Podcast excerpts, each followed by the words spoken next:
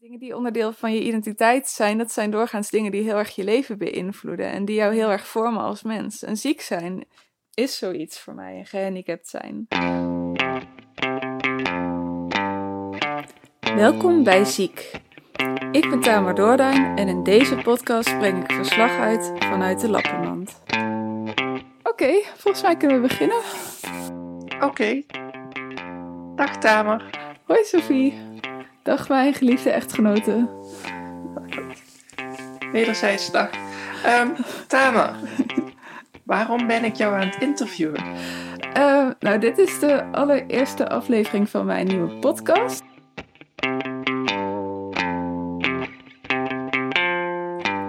Na jaren van vage klachten werd ik anderhalf jaar geleden ziek.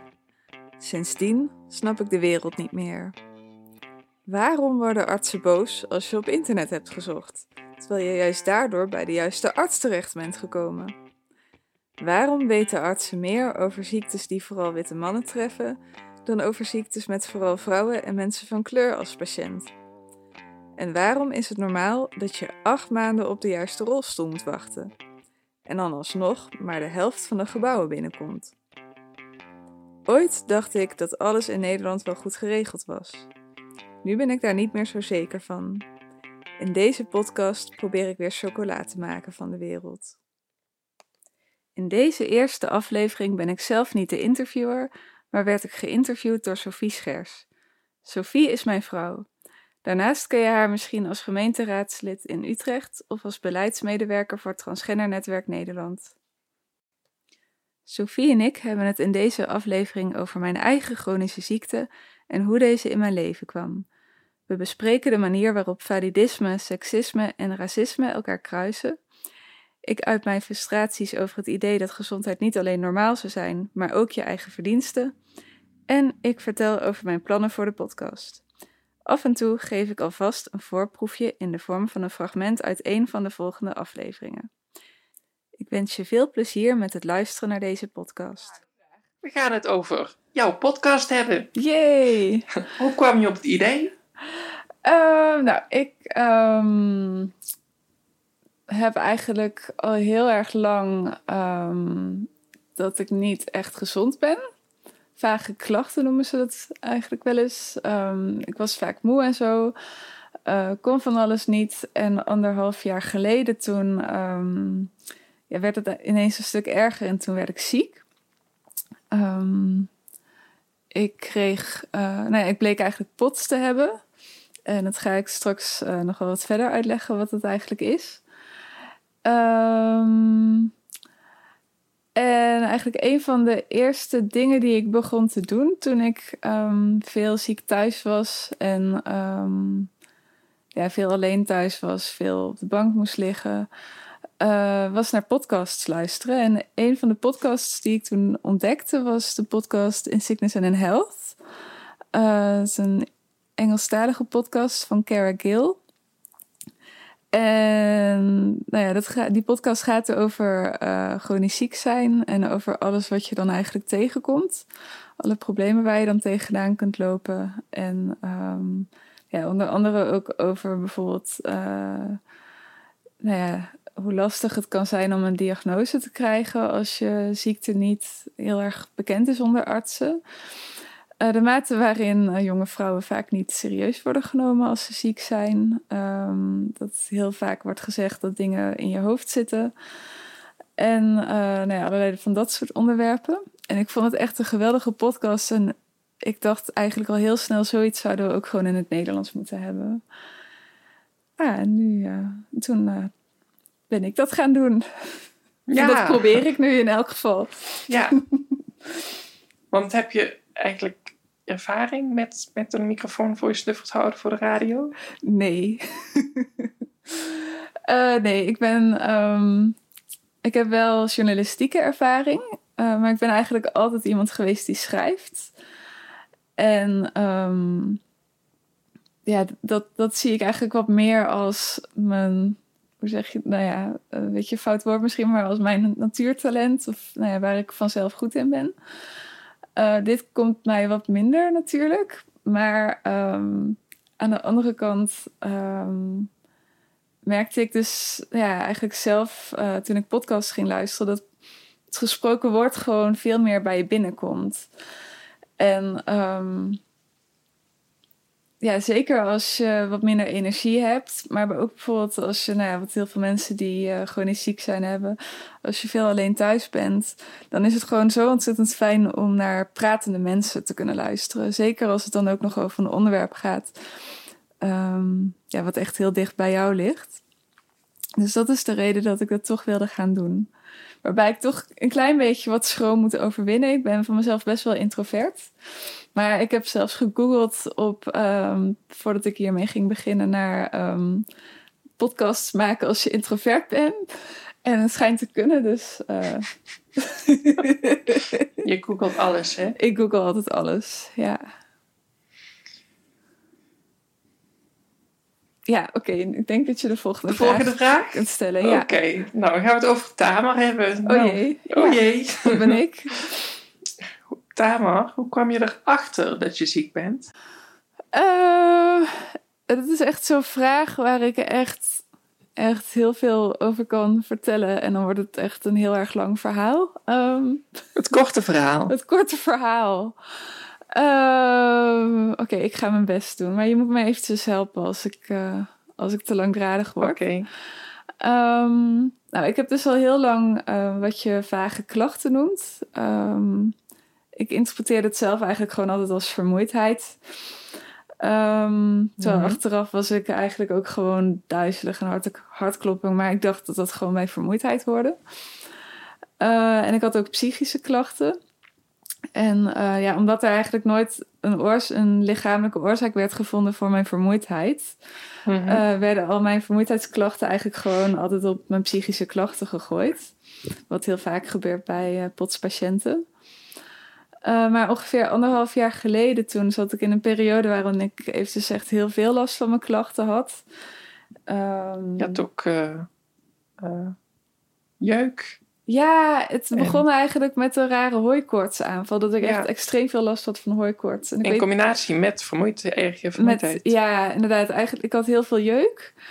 Um, en ik kon eigenlijk gewoon niet meer buiten zijn. Want dan voelde ik me gewoon echt heel slecht worden.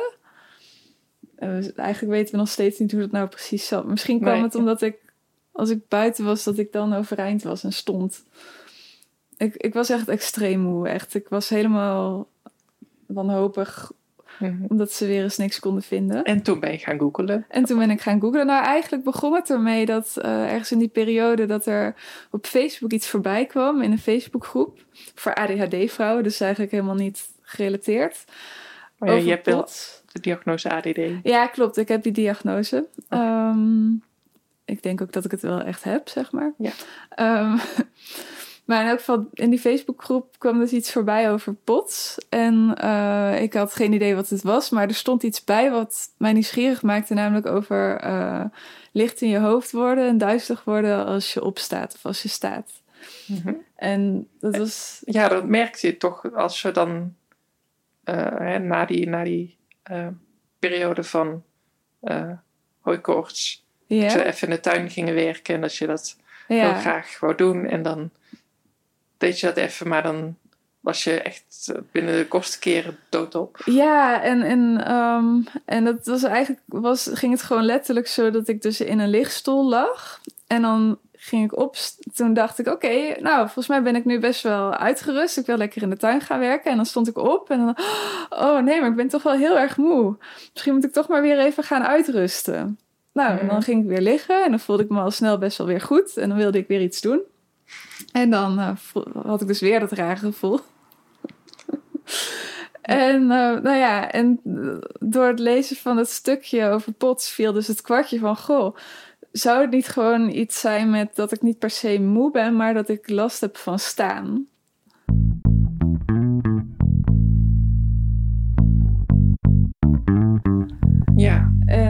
Nou ja, ik dacht nog niet meteen dat ik dan ook echt dat pots zou hebben. Ik begreep sowieso niet zoveel wat, van wat daarover stond. Maar ik dacht, oké, ik heb dus iets met licht in mijn hoofd voor erbij staan. En het was nou heel veel googelen en eerst nog uitsluiten of ik niet gewoon last had van een lage bloeddruk en daarmee naar de huisarts mhm. gaan enzovoort enzovoort.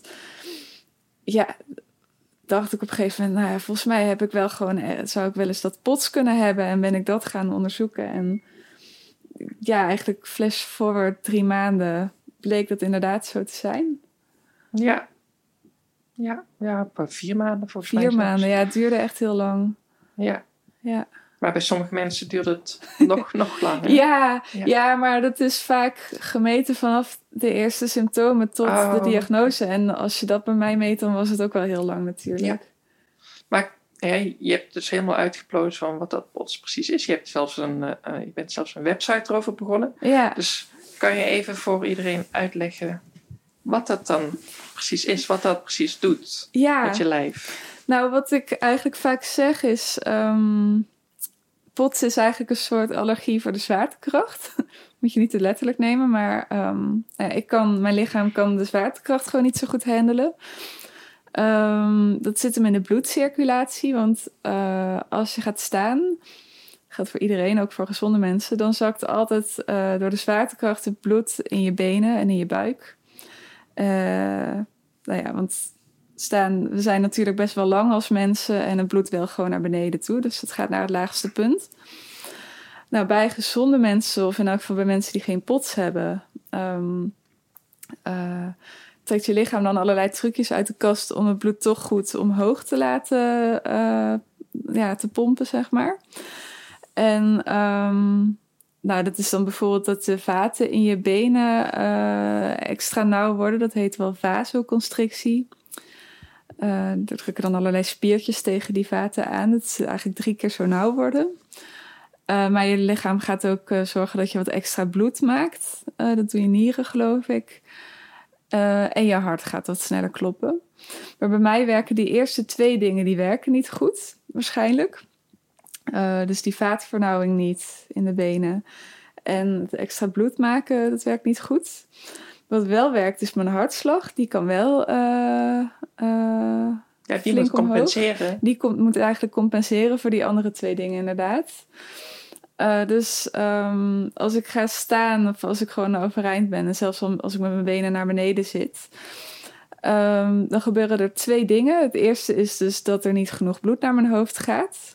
Um, en het tweede is dat mijn hart dat eigenlijk heel fanatiek probeert te compenseren door echt als een gek te gaan uh, slaan. Dus mijn hartslag die stijgt dan heel extreem. Uh, en dat doet mijn lichaam ook door ja, want de manier waarop je lichaam kan zorgen dat je hart harder gaat slaan, is door extra veel adrenaline, of noradrenaline eigenlijk. Dus door een enorme fight-flight reactie, stressreactie. Dus ik word heel erg gestrest en ik word heel erg licht in mijn hoofd en duizelig en ik kan niet meer goed nadenken. Nou. Het was wel een hele, hele heftige uitleg meteen, hè, met alle biologische, medische details erbij. Ja, maar als, als je naar de dokter gaat, um, hoe stelt hij dat dan Um, nou, wat ze in elk geval niet doen, wat eigenlijk wel jammer is, is daadwerkelijk kijken naar bijvoorbeeld of je vaten vernauwen en of je hoeveel bloed je in je lichaam hebt en dat soort dingen. Want dat is gewoon veel te moeilijk, waarschijnlijk ook veel te duur. Maar wat ze eigenlijk doen is dat je uh, een kanteltafeltest krijgt. Um, daarbij lig je op een kanteltafel. En dat is een soort ziekenhuisbed dat. Um, ik maak er nu allemaal handgebaren bij, dat kunnen jullie niet zien. Maar het is een ziekenhuisbed uh, dat gekanteld kan worden, waarbij je. Uh, uh, ja, van horizontaal naar bijna verticaal. Ja, van horizontaal naar bijna verticaal. Gewoon met je hoofd naar boven, overigens. niet naar beneden. nee, het is niet een soort kermisattractie. Um, en, um, en dan, oh ja, en, en um, ja, je hebt de spots wanneer je hartslag dan in de eerste 10 minuten nadat je verticaal gekanteld ben, bent, um, 30 slagen of meer versneld. En bij jonge mensen, ik geloof onder de 21, um, moet je hartslag nog wat meer stijgen. Dat is 40 slagen per minuut. Ja. En bij jou gebeurt dat? Ja, precies. Ja, ja. heel duidelijk. Gewoon altijd. Consequent. En um, uh, zelf wist je dus eerst niet van het bestaan van POTS. En uh, je huisarts ook niet. En toen ging je mhm. zoeken naar artsen uh, die wat van wist. En toen kwam je er ook maar een paar tegen. Betekent dat dan dat pot zo zeldzaam is? Um, nee. dat is ook wel een van de redenen dat ik, ja, hoe zeg je dat, op een bepaalde manier best wel activistisch ben geworden als het gaat om dit soort ziektes of aandoeningen. Uh, POTS is namelijk helemaal niet zeldzaam. Onder uh, jonge vrouwen is het, komt het echt vaak voor. Ik geloof naar schatting dat 1 op de 100 jonge vrouwen of misschien zelfs jonge mensen POTS heeft. Ik heb dit even gefactcheckt en het gaat om 1 op de 100 jongeren. En dit is een schatting van Dysautonomia International. Um, en als je gewoon naar iedereen kijkt, dan zijn er in Nederland, ja, dan heeft 1 op de 500 mensen POTS. Uh En in Nederland gaat het dan om ongeveer 23.000 mensen. Dit zijn allemaal schattingen, want er is nog niet genoeg onderzoek naar gedaan. Maar wel geïnformeerde schattingen, zeg maar. volgens mij ook nog best wel voorzichtige schattingen. Maar POTS komt vaak voor samen met andere is er een gevolg van bepaalde aandoeningen? Nou, uh, dat kan. Je hebt, ja, dat noemen ze dan primaire en secundaire pots. Dus um, secundaire pots is dus als je pots hebt als gevolg van een andere aandoening. Uh -huh. uh, het komt bijvoorbeeld vaak voor met auto-immuunziektes, zoals de ziekte van Sjögren. Um, het komt ook vaak voor bij neuropathie. Mensen met diabetes kunnen het geloof ik krijgen. Um, en mensen met het Ehlers-Danlos-syndroom hebben ook vaak POTS of andere vormen van um, orthostatische intolerantie. Want je kan bijvoorbeeld ook orthostatische hypotensie krijgen. Dat is iets anders waarbij je niet tegen de zwaartekracht kan. Dat je lichaam toch net ietsje anders reageert dan bij POTS. Um, en je hebt primaire POTS. Dat is dat ze eigenlijk gewoon geen andere aandoeningen kunnen vinden die de pot zou kunnen veroorzaken. En eigenlijk de laatste jaren zijn ze wat meer onderzoek aan het doen. En wat men nu verwacht, vermoedt, is uh, dat het uh, in dat geval gewoon op zichzelf een auto-immuunziekte is. Want er zijn allerlei antistoffen gevonden, dus stofjes in je lichaam die onderdeel zijn van jouw immuunsysteem, mm -hmm. uh, die eigenlijk cellen van jouw eigen lichaam aanvallen en beschadigen. En uh, in het geval van pot uh, beschadigt je eigen lichaam dan allerlei cellen die dus te maken hebben met die bloedcirculatie bij te staan. Nou. Ja, maar ik denk dat dit wel genoeg uh, ja, ja. dus is best wel de diepte in qua medische wel, informatie. Ja, dat is het. Dus maar dan ja. weten we dat ook gelijk. Ja, precies. Ja. Tamar, ben je dan ook gehandicapt? Of voel je gehandicapt? Ja. Nou, um, ik had dat niet meteen, maar eigenlijk al best wel snel. Dat kwam ook wel door het luisteren, onder andere naar die podcast die ik eerder al noemde. Um, ja, um, werd ik me daar bewust van dat ik doordat ik pots heb, doordat ik eigenlijk gewoon niet goed kan staan. En ik kan bijvoorbeeld ook niet lang lopen. Uh, ik kan ook niet met mijn benen naar beneden zitten lang. Um, ja, dat ik daarmee dus gewoon gehandicapt ben. En dat gevoel, uh, dat gevoel um, kwam pas echt toen ik ook een rolstoel ging gebruiken. -huh. um, er zijn best aardig wat mensen met POTS die een rolstoel gebruiken.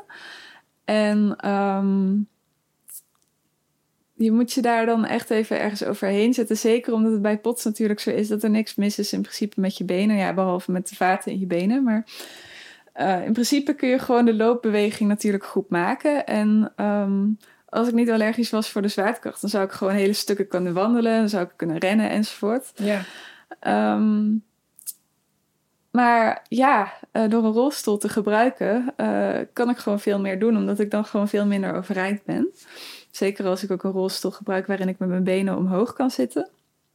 Wat er voor mensen die geen idee hebben wat er aan de hand is, uitziet alsof ik twee gebroken benen heb trouwens.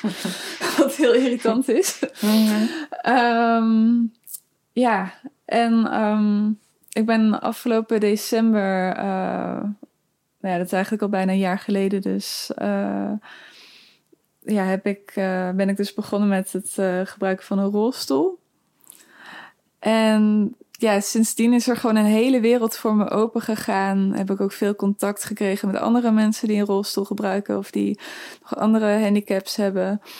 En um, ja, ben ik me ook gewoon heel erg bewust daarvan geworden van wat voor problemen daar allemaal nog mee zijn. En dat de wereld echt niet toegankelijk is. En dat mensen heel erg naar je staren als je er gehandicapt uitziet, enzovoort, enzovoort.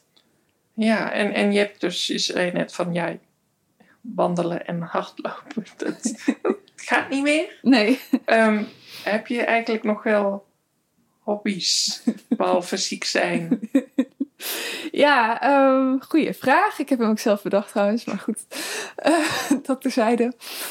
Um, ja, soms voelt het wel een beetje alsof Pots mijn hele leven heeft overgenomen. Ik weet ook nog wel dat jij dat vrij in het begin een keertje verzuchtte. Van het lijkt wel alsof alles nu ineens over Pots gaat. Mm want, nou ja, eigenlijk uh, werken dat lukt op dit moment uh, even niet meer. Um, omdat ik gewoon te onvoorspelbaar ben qua wat ik kan op een dag. En omdat de pots ook gewoon invloed heeft op uh, wat mijn hoofd, ja, op, op mijn denken en op mijn vermoeidheid, mijn energie. Um, dus, uh, maar ik doe nog wel, zeg maar, werkachtige dingen, um, eigen projecten. Dus ik doe deze podcast. En ik heb de website Dit is Pots uh, samen met vier andere POTS-patiënten opgericht. Uh, juist omdat er zoveel onbekendheid over is in Nederland. Um, en we daar heel graag verandering in willen brengen. Ja, dus dat zijn dingen die ik doe. Um, die dus wel heel erg te maken hebben met het ziek zijn. Maar het voelt, het voelt op dat moment toch alsof ik een ander deel van mezelf aanspreek. Want uh, ik ben er gewoon echt professioneel mee bezig. Ja. Dus het is gewoon heel erg fijn om dit soort dingen te doen. En gewoon. Um, ja, en het, ook het bezig zijn met het ziek zijn. Het voelt voor mij ook gewoon als activisme. Omdat uh, ik, ik, heb gewoon door mijn situatie nu ontdekt dat er gewoon zoveel dingen veel beter moeten. Um, en ik, ja, ik ben eigenlijk altijd best wel bezig geweest met. Uh, ja, ik weet, ik weet, niet of ik het meteen activisme durf te noemen, maar met sociale rechtvaardigheid. Ja feminisme, um, LHBTQI enzovoort, activisme. Mm -hmm. um, nou ja, op een gegeven moment kwam bewustmaking van mensen rondom ADHD daar ook bij, de vooroordelen die daarover zijn. Ja. Ja, en nu dit. En eigenlijk voelt het een beetje alsof ik gewoon altijd met de dingen die op mijn pad komen, daar iets, um, een soort sociaal rechtvaardigheidsthema aan verbind en daarvoor op de bres wil gaan springen. Wil gaan springen. Dus uh, het ziek zijn definieert niet zozeer wie je bent, maar wat je doet. Ja, op een bepaalde manier wel. En waar, wat ik daarover trouwens ook nog wil zeggen is. Um, um, waar ik achter ben gekomen is dat er een soort dingetje is in de ziek, ziektewereld.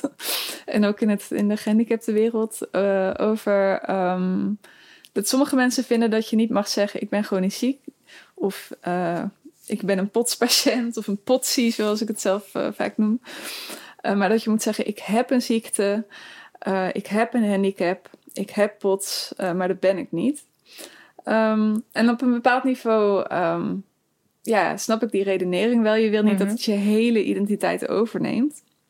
Maar we zeggen ook niet, ik ben iemand met gezondheid. En ik heb het idee dat er eigenlijk een soort van het idee, het idee achter zit dat ziek zijn iets is wat jou als mens uh, minder waard maakt. Uh, dat, het, uh, dat we eigenlijk allemaal vinden dat het zoiets schaamtevols is. Dat dat dus geen onderdeel mag zijn van je identiteit. Maar ja, dingen die onderdeel van je identiteit zijn, dat zijn doorgaans dingen die heel erg je leven beïnvloeden. En die jou heel erg vormen als mens. En ziek zijn is zoiets voor mij, en gehandicapt zijn. Ja.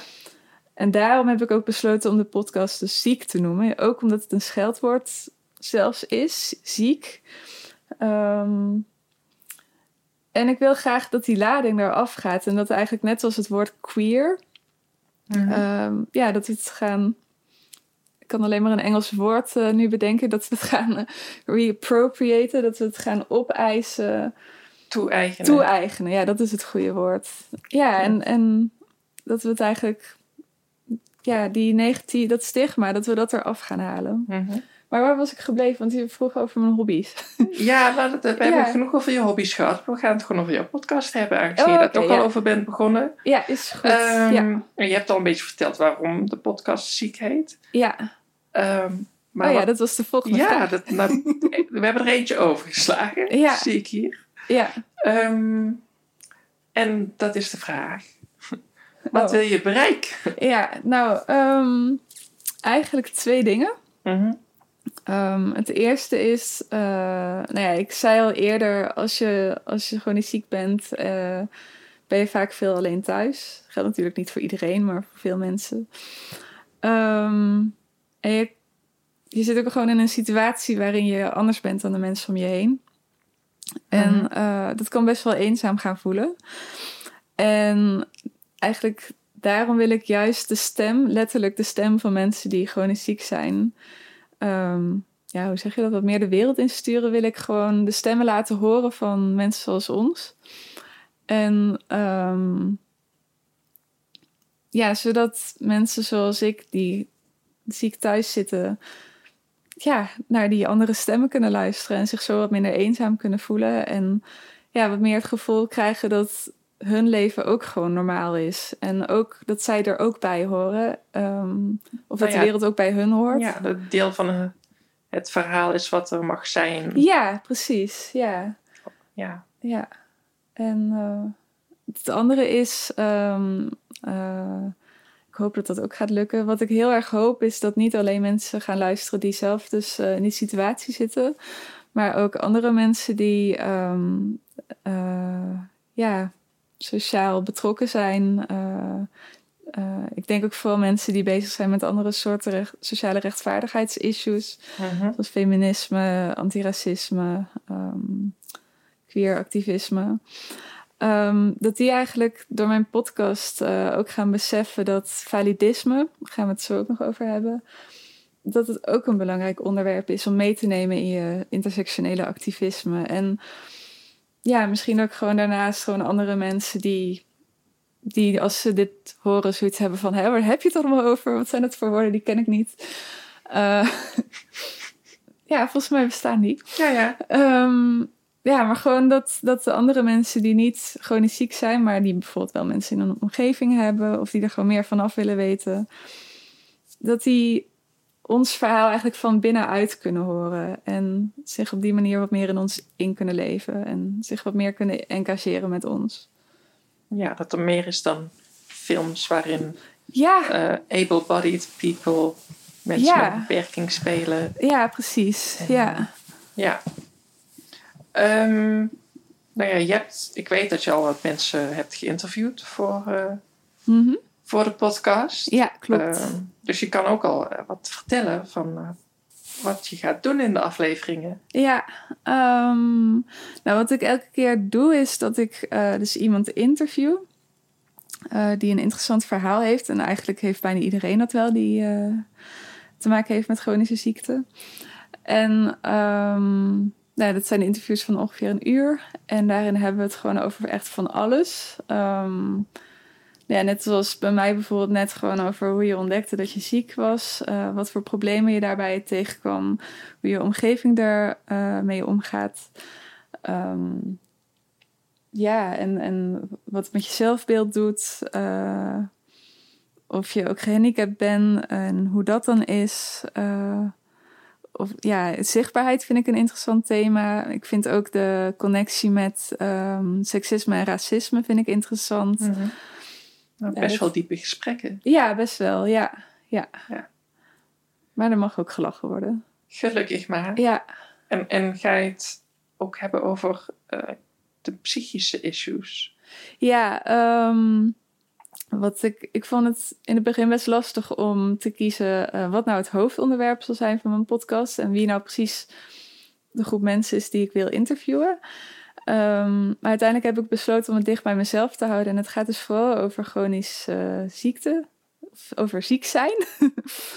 um, met uitstapjes uh, naar mensen met een beperking die een beperking hebben om een andere reden dan dat ze chronisch ziek zijn. Dus bijvoorbeeld mensen met een dwarslesie of met een aangeboren beperking. En ook uitstapjes naar mensen die een uh, psychische, die psychische issues hebben. Uh, dus ja. op die manier wil ik het ook wat breder maken dan alleen maar chronisch ziek zijn. Mhm. Maar dat is wel de hoofdfocus. Ja, want wat er uh, overal dan wel doorheen gaat, is het onderwerp validisme. Ja, precies. Ja. En wat betekent validisme, aan jouw idee? Ja, validisme is, um, ja, is eigenlijk een soort parallel woord aan bijvoorbeeld seksisme, racisme, homofobie of homonegativiteit. Um, validisme is eigenlijk het idee of de overtuiging dat uh, mensen met een beperking of met een aandoening uh, minder waard zijn dan mensen zonder beperking of aandoening. Heel simpel gezegd. En nou ja, net als seksisme en racisme bestaat validisme dus op verschillende niveaus. Um, het bestaat in dat je vervelende opmerkingen kunt krijgen van mensen. Uh, dat mensen vooroordelen over je kunnen hebben. Um, ja, je kunt uitgescholden worden. Je kunt te maken hebben met fysiek of seksueel geweld uh, vanwege jouw beperking of aandoening. Uh, je kunt te maken hebben met discriminatie. En dat kan zowel zijn dat jij als persoon gediscrimineerd wordt of dat je echt als groep gediscrimineerd wordt. Dus nou ja, bijvoorbeeld als je uh, met je rolstoel de helft van de gebouwen niet binnenkomt, dat is een voorbeeld van discriminatie op grond van je beperking. Ja. Um, of als er bijvoorbeeld uh, bij fertiliteitsbehandelingen moeilijk wordt gedaan, of als je een kind wil adopteren over dat jij een beperking bent, dat is ook een vorm van validisme. En je, hebt ook, uh, je kunt ook uh, in jezelf te maken hebben met validisme. Geïnternaliseerd validisme heet dat. dus dat je eigenlijk zelf bent gaan geloven dat jij minder waard bent, omdat je een beperking hebt of een aandoening. En um, je noemde net ook al seksisme en ja. racisme. Ja. Um, dat je daar ook uh, eigenlijk het over wil hebben. Ja. Um, op welke manier? Um, nou, wat je ziet is dat eigenlijk net als veel andere onderwerpen rondom uh, sociale rechtvaardigheid, um, dat er vaak niet één vorm van, ja, ik zal maar zeggen, isme speelt, mm -hmm. maar dat allerlei ismes eigenlijk door elkaar spelen. Um, dat klinkt misschien heel abstract, maar uh, een concreet voorbeeld. Um, uh, er zijn bepaalde ziektes die vooral vrouwen treffen.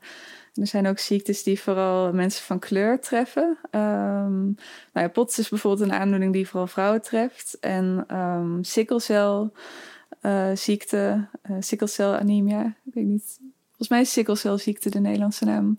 Uh, dat is dan weer een ziekte die vooral uh, mensen van kleur treft. En nou ja, heel toevallig, of nou ja, niet toevallig dus, um, zijn dat dus aandoeningen waar minder onderzoeksgeld naar gaat. Uh, die vaak heel lang nee, ja, dat het vaak heel lang duurt voordat je de juiste diagnose krijgt.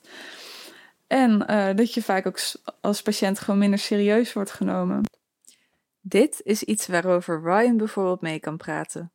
Hij is transman en merkte dat hij voor zijn transitie veel minder serieus werd genomen door artsen. Kijk, een arts die behandelt een vrouw anders dan een man. Ik heb het zelf aan de lijve ondervonden. Uh, ik werd zeg met mijn pijn heel erg gekleineerd altijd. Ja, meisje, je moet nou eenmaal begrijpen dat mensen met autisme een lage pijngrens hebben. En dat mhm. heeft gewoon alles te maken met uh, ja, vaak onbewust uh, seksisme en racisme. In, uh, in dit geval in de medische wetenschap. Ja. Ja.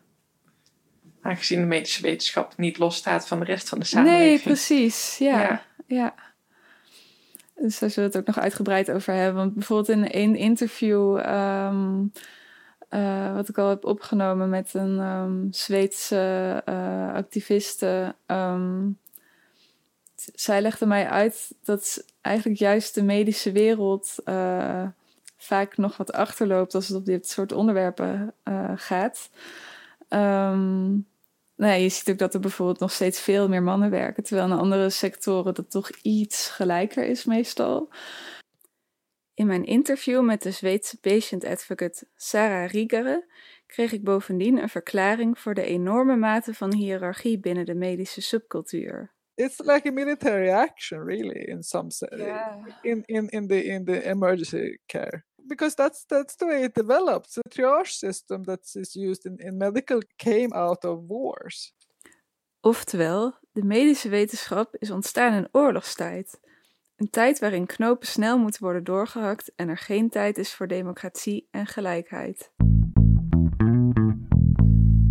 En er staat hier nog een vraag, ook een isme.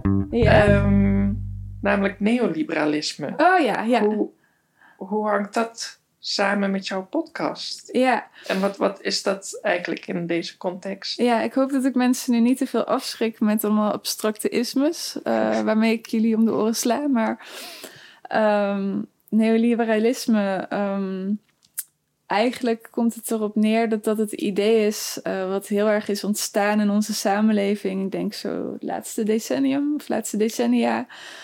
Ehm, heel simpel van dat als je het maar echt wil, dan kun je het. En ook dat idee, dat Amerikaanse idee van als je maar hard genoeg werkt, dan schop je het van krantenjongen tot miljonair.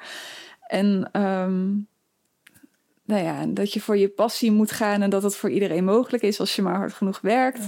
Heel erg dat idee van dat alles wat je eh, wil bereiken, dat iedereen dat vanzelf kan. En dat is ook een idee wat we heel erg op gezondheid hebben gelegd. Eh, het woord slachtofferrol hoort ook heel erg in het neoliberalistische idee. Het idee dat, het, ehm, nou ja, dat je een soort loser bent als je een slachtoffer bent. Dat het sowieso heel erg is om aan het kortste eind te trekken, om pech te hebben. Dat het allemaal iets zegt over wie jij bent als persoon. En dat er dan iets mis met je is als je pech bent of als je ziek bent. Dat je eigen verantwoordelijkheid is. Ja, dat eigen verantwoordelijkheid is ook heel erg een frase die erbij hoort. Ehm, nou ja, jullie herkennen denk ik heel erg hierin die ideeën die de laatste kabinetten behoorlijk hebben gepromoot. Ehm, Participatie. participatie. Ehm, ja, want eigenlijk participatie daarin, officieel zit daar ook nog iets in van dat het belangrijk is om voor elkaar te zorgen. Nou ja, als je dat echt goed zou, als je dat gewoon, oh, ik kom even niet goed uit mijn woorden, hoor, maar als je dat gewoon echt serieus zou nemen, dan zou dat niet eens zo heel ne- neoliberalistisch hoeven te kunnen zijn. Want ik vind het eigenlijk, het is eigenlijk juist iets heel positiefs als mensen voor elkaar zorgen. Mhm. Maar ja, eigenlijk komt het er toch meer op neer in de uitvoering van, nou ja, je moet maar zelf je eigen boontje stoppen. Dat je op jezelf aangewezen Je bent op jezelf je aangewezen. Je moet het, en, je, en op je eigen omgeving. Je moet het allemaal zelf maar regelen. En eh, wat je bijvoorbeeld ook heel veel ziet, is eh, er is een enorme gezondheidscultus over eh, dat het belangrijk is om te mediteren, om gezond te eten, om veel te bewegen. Ehm, met ook een soort heilig geloof dat als je dat dan maar allemaal doet, dat je dan vanzelf een gezonde en ook slank, want dat is dan zogenaamd ook synoniem aan gezond, ja, dat dat dan allemaal vanzelf komt. Deze redenering, zij het in iets genuanceerdere vorm, kwam ook Anne van de Beek tegen toen zij probeerde te revalideren. Ik heb wel vaker ook gehoord van, want er, er was toen nog een revalidatietraject waar ik wellicht terecht zou kunnen. Maar daar was het ook zo dat je eigenlijk gewoon niet mag afzeggen. En dat vind ik heel maf, want je bent daar toch om, je, om, om zeg maar te voelen wat, wat er gaande is in je lichaam en, en om dan ook je grenzen aan te geven. Ook ik heb zo'n soort ervaring gehad met een revalidatiecentrum. En ik krijg de indruk dat zelfs hulpverleners zich niet altijd realiseren dat je met pure wilskracht je lichaam niet zomaar kunt laten doen wat je wil. Terwijl dat toch echt de realiteit is waarmee we het moeten doen.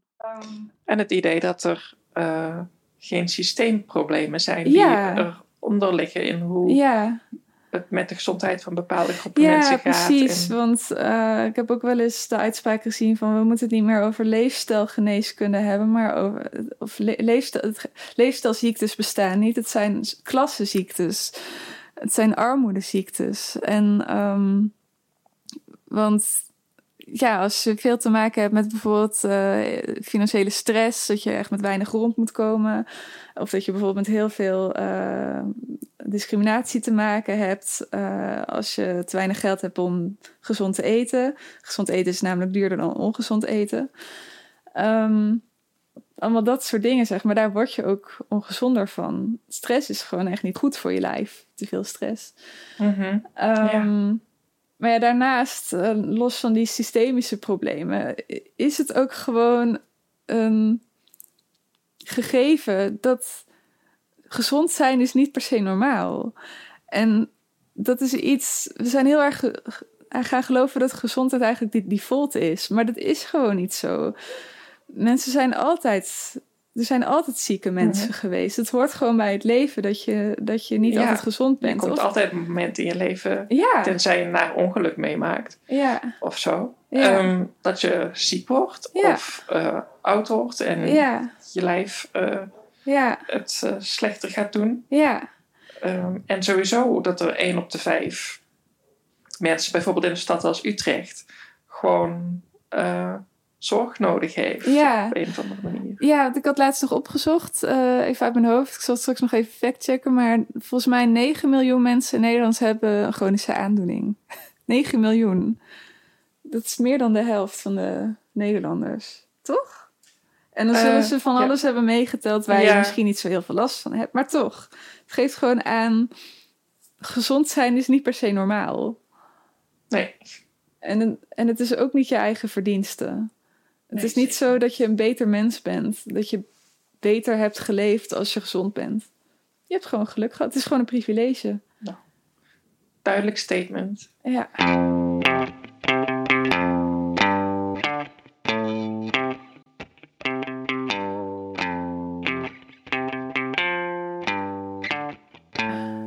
Maar terug naar de podcast. Ja. Want die eh, gaat... Uh, we zijn nu de eerste aflevering aan het opnemen. Ja.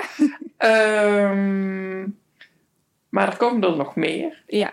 En, en hoe, vaak, hoe vaak verschijnen ze dan? Uh, nou, dat weet ik nog niet. Um, juist omdat ik dus zelf ziek ben. Um, uh, en omdat mijn gezondheid gewoon echt fluctueert, uh, vind ik het lastig om echt vast te zeggen hoe vaak hij verschijnt. Um, ik kan wel zeggen dat ik van plan ben dat de volgende aflevering een week na deze aflevering verschijnt. Um, en dat heeft nog een reden, uh, want het is uh, deze maand Dysautonomia Awareness Month. Uh, dus nou, dysautonomie, dus dysautonomia in het Engels, is eigenlijk een groep aandoeningen waar dus ook POTS, dus mijn aandoening, mijn aandoening onder valt. Mm. En uh, vanuit Dit is Pot zijn we deze maand uh, dus heel veel aandacht daarvoor aan het vragen. En daarom hebben mijn Dit is Pots collega's mij eigenlijk een beetje zitten pushen of ik misschien niet deze maand alvast kon beginnen met mijn podcast. Ja! Wat heel goed was, want mm -hmm. um, nou ja, ik zat het een beetje uit te stellen eerlijk gezegd. Mm -hmm. um, dus hierdoor, uh, daarom wilde ik eigenlijk deze maand al meteen twee afleveringen de eter in gooien. Uh, dus deze eerste en volgende week heb ik een uh, interview voor jullie met Ryan. En hij heeft, uh, net als ik, ook POTS. Um, en ja, het is echt een heel mooi interview geworden met heel veel interessante thema's. Ryan die is onder andere ook transman. Um, hij heeft autisme. Hij heeft een lastige thuissituatie. En al die dingen spelen gewoon. Hij heeft ook Ehlers-Danlos syndroom en al die dingen spelen gewoon heel erg mee in hoe hij, uh, ja, hoe het voor hem is om uh, te maken te hebben met ziekte. Mm -hmm. Leuk. Ja. In ieder geval leuk. Ja. Leuk dat, uh, interessant. dat je interessant dat je hebt gesproken hebt. Ja, dat is ook heel leuk om te spreken. Ja. Um, en verder. ja, wat ik in elk geval hoop is dat het lukt om elke maand een nieuwe aflevering te maken. Mhm. En uh, wat ik ook heb bedacht is dat ik uh, met soort uh, seizoenen wil werken. Dus dat met ja, groepen afleveringen die dan een bepaald thema hebben. En deze eerste afleveringen wil ik me focussen op eigenlijk het ziek zijn zelf en diagnoses krijgen en uh, wel of niet serieus worden genomen uh, ja, door je omgeving, maar ook uh, vooral door artsen. Ja. En daarna wil ik me wat meer gaan focussen op um, hoe het is om een beperking te hebben. Dus in, die, in dat seizoen wil ik ook wat meer gaan praten met mensen die geen chronische ziekte hebben, maar wel een beperking. Mm -hmm. En ook bijvoorbeeld het verschil tussen zichtbaar en onzichtbaar ziek zijn. Mm -hmm. Of beperkt zijn bedoel ik in dit geval. Ja. En in het derde seizoen, ik denk al heel ver vooruit. Ambitie. ja, in het derde seizoen wil ik me gaan focussen op uh, wat meer op dat neoliberale idee. Um, En eigenlijk meer op de mentale kant van het ziek zijn. Want ik heb zelf gemerkt dat eigenlijk juist door dat neoliberale vertoog het heel lastig is om op een gezonde manier. oh, dat zeg ik ook weer. Gezond op een hele normatieve manier. Om op een goede manier waarop je goed voor jezelf zorgt om te gaan met het ziek zijn, psychisch gezien, mentaal gezien. Dus daar wil ik in het, laat, in het derde seizoen op focussen. Oké, ja, ik kijk er al naar uit. Ja, ook al luister ik niet zoveel podcasts. Ja, maar niet, van mij ga je wel luisteren, toch? Ja. Ik ga je gewoon dwingen. Precies. Ehm, maar ja, je hebt uh, afgelopen maand ook al een logo uh, gelanceerd. Het logo van je podcast. Ja. Wie heeft, wie heeft dat leuke logo gemaakt? Uh, Apple Shampoo Art heeft het gemaakt. Oké. Um, zij is uh, te vinden op uh, Twitter, op Facebook en op Instagram. Um, Apple Shampoo Art is een uh, vriendin van mij die ik ook via Facebook ken, via het ziekenwereldje, als ik het zo mag noemen. Of het antivalidistische wereldje eigenlijk. Ze is ook feminist. Um, en zij heeft ME. Ik ga haar daarover ook nog interviewen voor deze podcast. En ze heeft echt een ernstige vorm van ME, waardoor ze echt niet veel meer kan op een dag dan op de bank liggen. Daarom vind ik het ook echt ontzettend tof dat ze dit logo uh, heeft kunnen maken voor deze podcast. En ik vind hem echt prachtig. Ja. Staat een lappenmand op. Ja, want uh, dat um, hebben we nog niet besproken. Um, mensen hebben het al wel gehoord in de introductie, denk ik, want die ga ik nog wel even maken. Maar uh, de ondertitel van de podcast is Berichten uit de lappenmand. Want uh, ik ga ja, eigenlijk verslag doen vanuit de Lappenmand. Mm -hmm. Ja. ja. Waren we nog even vergeten bij deze. Nou, het, nou ja, het eerste verslag uh, zijn we bijna klaar mee. Ja. Maar aan het begin van elke aflevering krijgen we ook nog een intro-deuntje te horen. Ja. Hebben we er één gehoord? Ja. Um, nou, nee, die hebben jullie nog niet gehoord, want die uh, is nog in de maak. Oh, die is in de maak? Ja, die, uh, die gaat een andere vriendin van mij maken. Ik weet ook nog niet of zij dat dan aan... Nee, ik denk dat zij wel haar naam wil. Uh, dat is de geweldige Mira Thompson. Um, die ik ook ken uit het antivalidistische wereldje. Um, Creatief wereldje. Ja, zeker. Ja. En uh, zij is uh, jazzzangeres en uh, zij is op dit moment helaas nog te ziek. ze, heeft, ze heeft zelf geen chronische ziekte, maar ze heeft op dit moment gewoon flink. ze heeft volgens mij een longontsteking te pakken, dus oh. dat is wel vrij heftig. Ja. Um, maar um, ja, als ze straks weer hopelijk weer goed is opgeknapt en wat meer energie heeft, dan um, gaat ze voor mij een mooie jingle opnemen. Jee. Ja, dus daar kijk ik nog heel erg naar uit. Ja. Oké, okay. leuk. Ja. Dus je krijgt, je krijgt eigenlijk al uh, wat hulp. Ja, klopt. Ja. Heb je nog meer hulp nodig? Ja. Um, ik zou het echt heel erg tof vinden als er nog wat mensen zijn die me op verschillende manieren kunnen helpen bij de podcast. Um, allereerst ben ik heel erg op zoek naar iemand die het leuk vindt om um, podcasts te monteren. Uh, dat wil zeggen dat je dus met de geluidsfragmenten, geluidsbestanden aan de gang gaat. En um, nou ja, daar kun je van alles mee doen. Dat de kwaliteit wat beter wordt, maar ook gewoon wat meer in het verhaal knippen en plakken. Uh, ik ben er zelf niet zo goed in. En ik wil me het liefst echt focussen op het opnemen. Dus uh, mm. nou ja, luister je dit en um, denk je, nou ja, ik zou dit wel gewoon echt als vrijwillig project, want het is allemaal op dit moment nog uh, no budget, uh, ja. willen doen. Misschien gaat het ooit veranderen, maar op dit moment is dat nog even hoe het is. laat het me alsjeblieft weten, want dan zit ik echt heel erg op jou te wachten. En verder uh, ben ik nog op zoek naar mensen die ook op vrijwillige basis uh, afleveringen willen uittypen. Uh, dit om de podcast ook toegankelijk te maken voor mensen die doof of slechthorend zijn. Zodat zij de podcast kunnen lezen in plaats van luisteren. Tof, um, tof idee. Ja, ja. ja want ik, heb, ik ben op dat idee gekomen omdat ik ook iemand al heb geïnterviewd die zelf doof is. Dat kan dus, iemand interviewen die doof is. gaan jullie ook nog horen. Um, ja, en toen realiseerde ik me dat ook, dat dat ook wel mooi is als iedereen ook echt de podcast kan, nou, niet per se beluisteren dus, maar wel beleven. Mhm. Dus vandaar. Nou, ik hoop dat uh, iemand zich bij je meldt. Of meerdere mensen. Dat zou super tof zijn. Ja, want het is best wel een werk interviews uittypen. Dus het zou mooi zijn als het wat meerdere mensen kunnen zijn. Uh, dat we het een beetje kunnen verdelen. Ja. ja. Oké. En je hebt al verteld wanneer de volgende aflevering is? Ja, volgende week. volgende week. Maar waar, uh, waar kunnen we jouw podcast vinden? Um, nou, als het goed is, kun je die straks vinden op bijna alle kanalen waar podcasts te vinden zijn. Um, dus onder andere op uh, via iTunes, de app en uh, dus de, gewoon de app op Apple. En um, Soundcloud bijvoorbeeld. Um, nou ja, ik weet verder niet hoe alle andere kanalen heten, maar als het goed is, worden die automatisch zeg maar daarop gezet.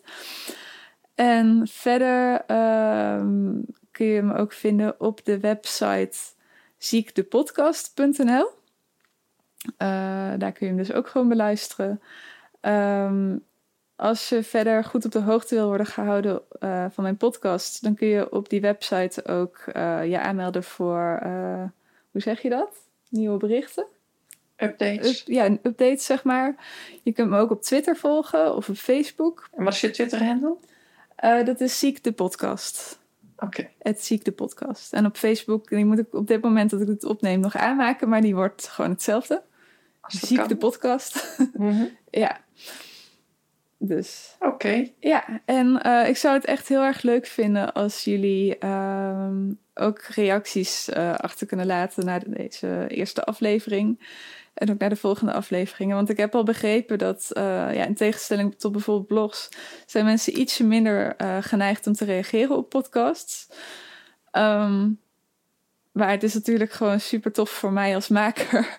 En ook voor de mensen die ik ga interviewen nog. Om wel iets van reacties te krijgen. En om te weten wat jullie er allemaal van vinden. Dus reageer vooral. Dat vind ik echt super leuk om uh, van jullie te horen. Ja, dus reageer vooral op Tamo, niet op mij. Ik ben alleen maar deze aflevering de interviewer. Ja, ja, ja precies. um, nou ja, we zijn aan het einde van, uh, van jouw uh, vragen gekomen, Tamo. Ja, dat klopt. Ja, dat mag ik wel, want we zijn alweer een uur verder. Ja. Fijn dat jullie het allemaal hebben uitgeluisterd als je, als je hier nog bent. En uh, nou ja, we kijken heel Dank erg uit Sophie naar... voor dit interview. ik en kijk heel erg uit naar het Apple Shampoo Art voor de eerste echte aflevering. Volg ons op Twitter en Facebook anders via voor mij wordt geïnterviewd. podcast of via ja, de website ja. www.ziekdepodcast.nl Ja. ja. Hier kun je ook Doei! Doei! Wanneer je ons reed op iTunes, kunnen anderen deze podcast gemakkelijker vinden. Dankjewel voor het luisteren en tot volgende week.